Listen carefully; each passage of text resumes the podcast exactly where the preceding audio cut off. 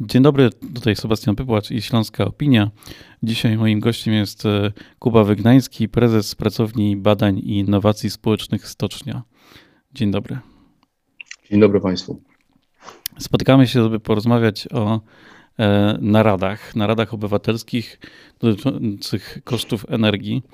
I jest to taki temat, który też e, pojawił się w ostatnich debatach, które robimy razem ze Stowarzyszeniem Bo Miasto i Śląską Opinią byliśmy w dwóch takich mniejszych miejscowościach e, poza główną aglomeracją na Śląsku, to znaczy w Kaletach i w Boronowie. I tam e, właściwie do nikogo nie trzeba było przekonywać do tego, żeby korzystać z nowoczesnych źródeł energii, z ekologicznych, żeby zrezygnować z węgla. Jedynym, jedyny problem jedyna wątpliwość to było temat, który pojawia się też w, w Państwa projekcie, czyli kto zapłaci za to e, paliwo i za wymianę i za czyje pieniądze te źródła e, e, energii wymienić w swoich domach. Czyli sprowadzamy się do hasła, które się pojawia w opisie i w problemie narad obywatelskich ubóstwo energetyczne.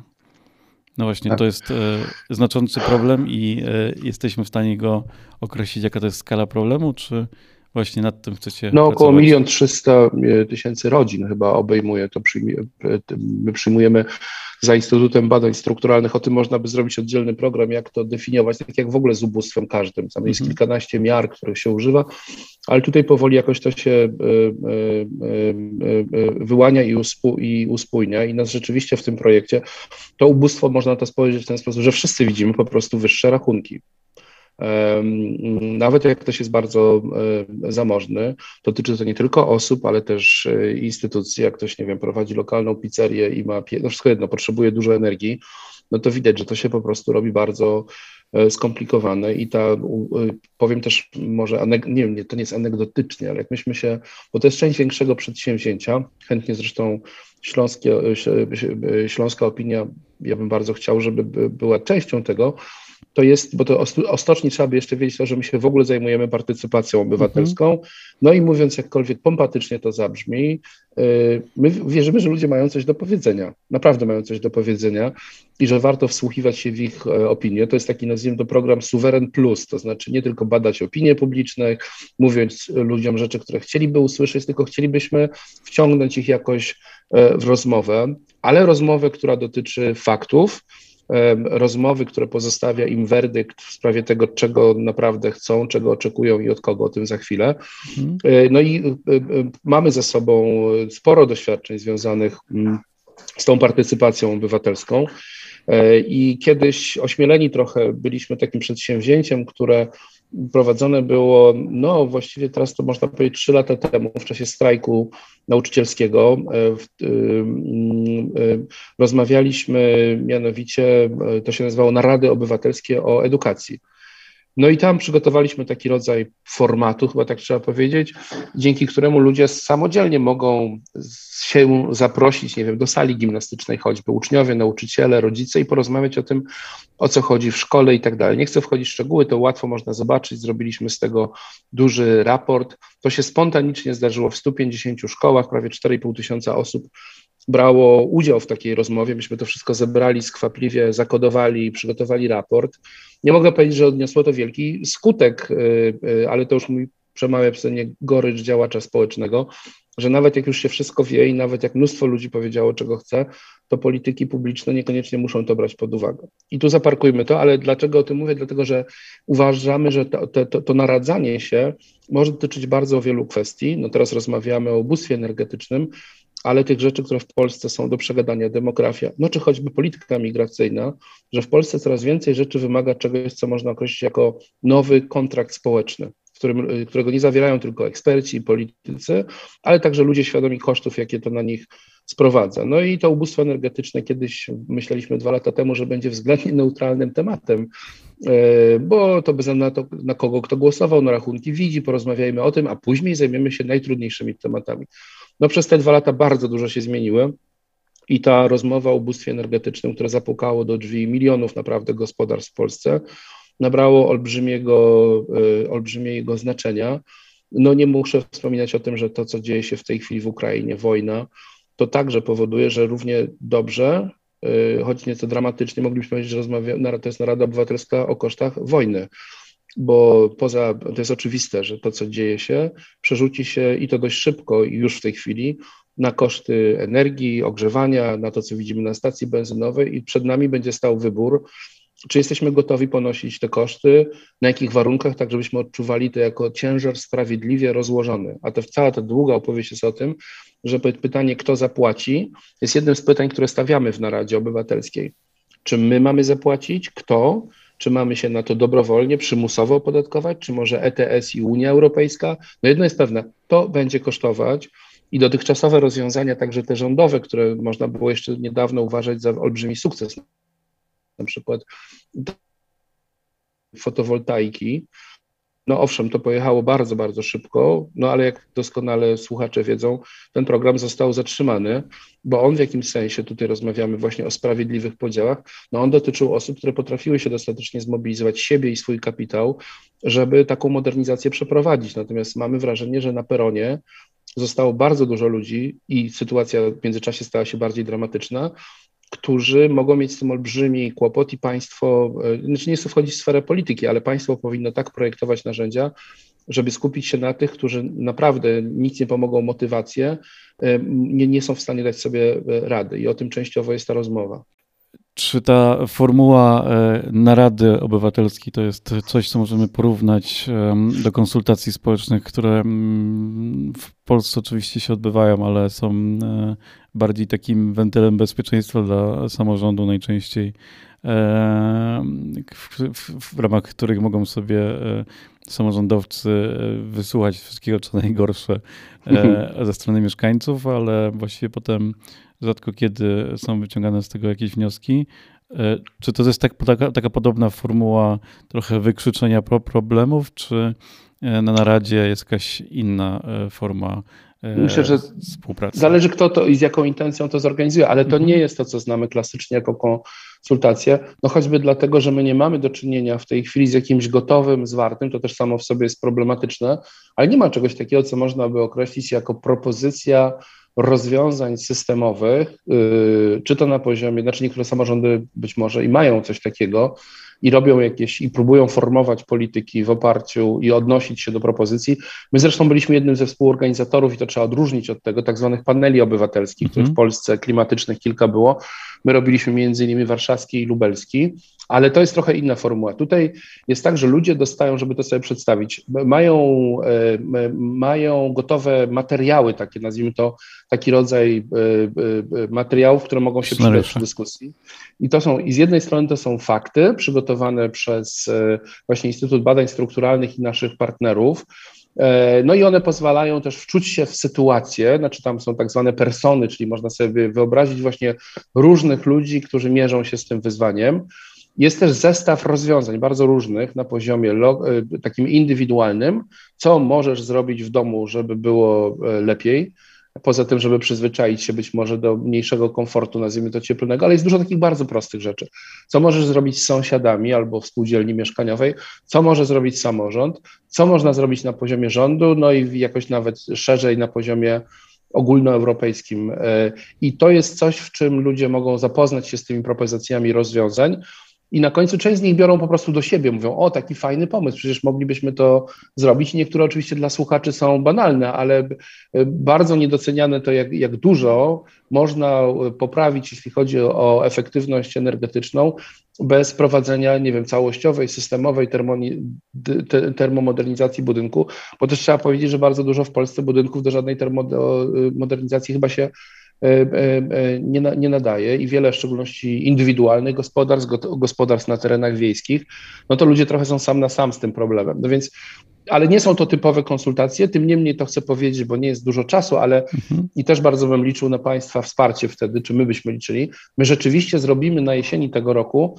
pierwszy w Polsce, podkreślam, pierwszy w Polsce ogólnopolski panel obywatelski poświęcony kosztom energii, czyli bazujący na wylosowanej grupie 100 obywateli, których chcemy namówić, może nam się uda, do mniej więcej pięciu weekendów, w których no to tradycyjnie słuchają ekspertów, rozmawiają mhm. między sobą i na koniec wydają werdykt. Na tym etapie, kiedy mówimy o naradach o kosztach energii, to jest rodzaj takiego, bardzo różne środowiska to robią. To może być Rada Seniorów, to może być spotkanie w bibliotece, to może być spotkanie w parafii, to może być spotkanie, które organizuje samorząd, na którym spotykają się y, przedstawiciele samorządu, no ci, którzy coś wiedzą o tym, bo to może być od pomocy społecznej do ludzi, od energii, mieszkalnictwa. Y, spotykają się lokalni aktywiści, no choćby, nie wiem, alarmu smogowego i ludzie, których ten problem jakoś dotyczy i prowadzą taką, to nie jest trudne zadanie, bo to jest no, taka dosyć forma nieskomplikowana, jednopopołudniowa, tak bym powiedział.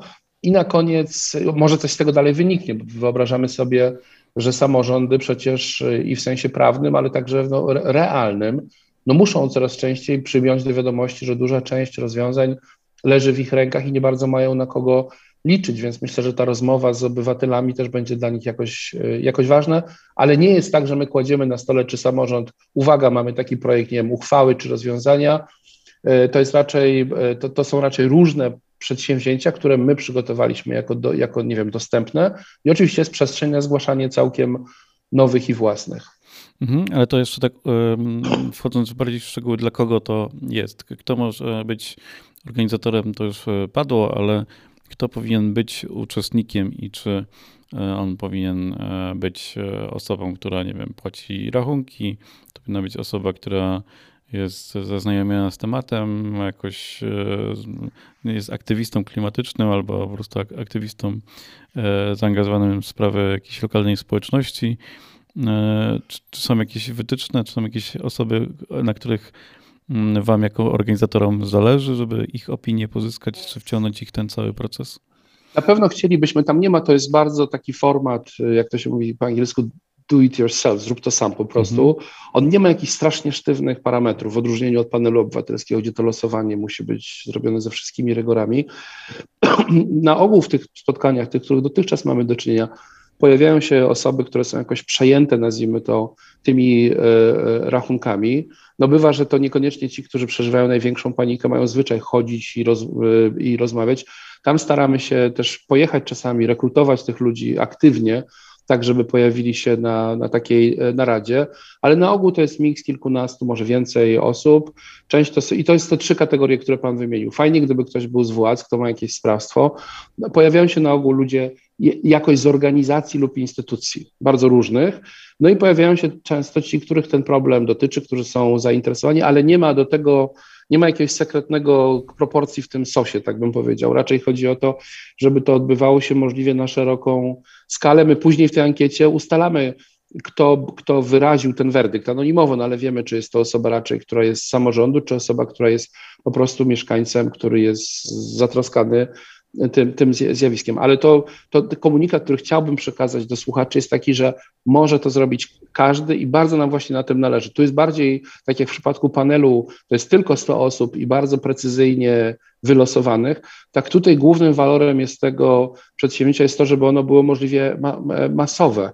I często jest tak, że ludzie wychodzą z, z postanowieniami jakby do siebie lub do siebie nawzajem. Część z tego ma taki charakter postulatów sformułowanych pod adresem, nie wiem, rządu na przykład albo samorządu, ale duża część tego to często są w ogóle pierwsze spotkanie, gdzie ludzie mogą połączyć kropki na przykład spotkać się środowisko aktywistów y, ekologicznych z ludźmi, którzy zajmują się kwestiami socjalnymi. To na przykład naszym ważnym partnerem jest Szlachetna Paczka czy Habitat for Humanity, tak samo ważnym jak e, alarmy e, antysmogowe, bo, no bo to jakby to pokazuje, że w tym miejscu spotkały się, że tak powiem, drogi tych, których, dla których ważne jest środowisko e, i tych, dla których, nie wiem, środowisko też jest ważne, ale też nie mniej ważne jest to, za co, czym napalić w piecu. No. Mhm. Gdyby ja albo ktoś z naszych słuchaczy chciał zorganizować naradę, to gdzie się musi zgłosić i czy musi przejść jakiś proces, czy może nie. zgłosić taką naradę już po zrobieniu, czy musi się przed e, zgłosić, e, na, bo wiem, że na stronie tak. internetowej jest mapka, e, to to jest pewnie jest dla Was ważna informacja, gdzie one, gdzie są planowane takie narady. Tak. Bardzo byśmy chcieli, ta strona nazywa się narada o energii.pl i jest nawet pierwsze, co na tej stronie widzimy, to jest zorganizuj naradę. I mhm. tam już jest instrukcja, która mówi właśnie o tym, żebyśmy, no chcielibyśmy wiedzieć, że ona będzie organizowana, umieścić na mapie, podać e, datę, można liczyć, pobrać i ze strony, ewentualnie możemy je wysłać, takie gotowe materiały jakby do rozdania dla uczestników.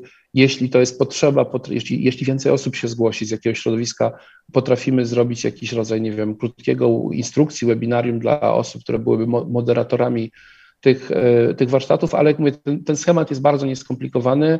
Z jednej strony są fakty, nazwijmy to, o, i metody radzenia sobie z problemem ubóstwa.